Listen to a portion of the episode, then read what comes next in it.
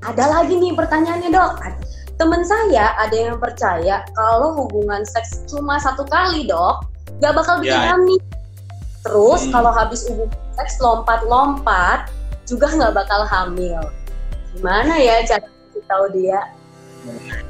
sebetulnya momentum hubungan seks itu kan eh, mau sekalipun juga tetap bisa hamil asalkan memang eh, apa memang momentumnya tepat ya. Artinya betul-betul dia pada masa subur. Misal begitu pada telur memang terkesiap ada itu itu satu sisi. Tapi di sisi lain itu hal yang penting kan eh, seperti kata loncat-loncat gitu.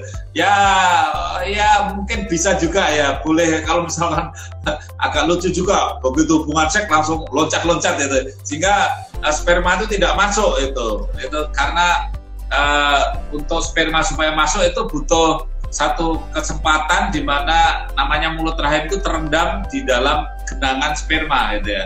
Tapi kalau misalkan mulut rahimnya tidak terendam di dalam genangan sperma ya peluang untuk sperma masuknya lebih kecil. Tapi Hmm. jangan bahkan kalau habis hubungan seks terloncat-loncat pasti tidak hamil. Itu tidak bisa begitu. Karena apa?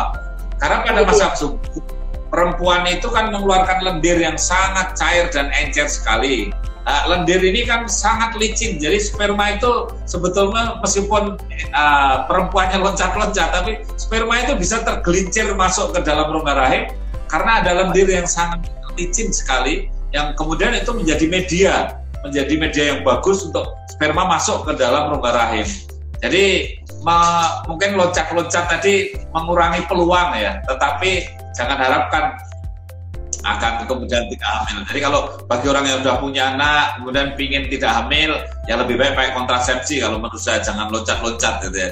Jadi kalau yang yang apa yang yang sudah punya anak kemudian pingin tidak hamil kan ya lebih baik pakai kontrasepsi dong daripada habis hubungan terloncat-loncat kan kurang kerjaan juga itu loncat-loncat. Ya.